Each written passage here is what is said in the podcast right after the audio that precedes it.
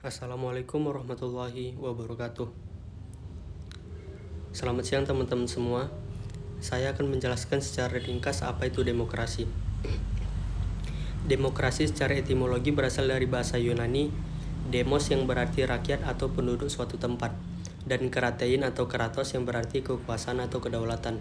Sedangkan secara terminologi terdapat berbagai definisi demokrasi antara lain yang pertama menurut Joseph Aschenmatter bahwa demokrasi merupakan suatu perencanaan institusional untuk mencapai keputusan politik di mana individu-individu memperoleh kekuasaan untuk memutuskan dengan cara perjuangan kompetitif atas suara rakyat.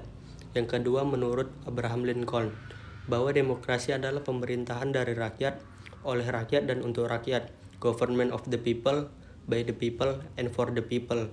Yang ketiga, menurut Sidney Hook, bahwa demokrasi adalah bentuk pemerintahan di mana keputusan pemerintah yang penting secara langsung atau tidak langsung didasarkan pada kesepakatan mayoritas yang diberikan secara bebas dari rakyat dewasa.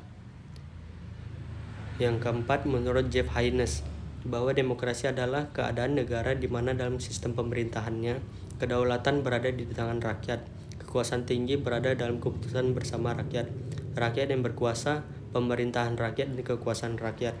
Yang kelima menurut Bakri, bahwa demokrasi dapat dikatakan pemerintahan dari rakyat, oleh rakyat dan untuk rakyat, yaitu adanya tuntutan atau dukungan dari rakyat sebagai masukan.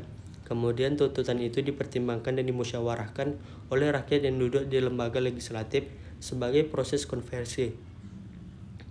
Dan hasilnya berupa kebijaksanaan atau aturan untuk rakyat sebagai keluaran aspek-aspek negara atau pemerintahan demokratis. Yang pertama, pemilihan umum sebagai proses pembentukan pemerintah. Pemilihan umum salah satu instrumen penting dalam proses pergantian pemerintahan. Yang kedua, susunan kekuasaan negara, yaitu kekuasaan negara dijalankan secara distributif untuk menghindari penumpukan kekuasaan dalam satu tangan atau satu wilayah.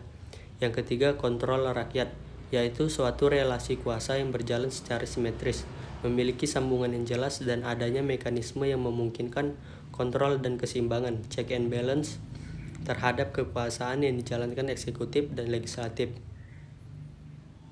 Mungkin cukup sekian. Assalamualaikum warahmatullahi wabarakatuh.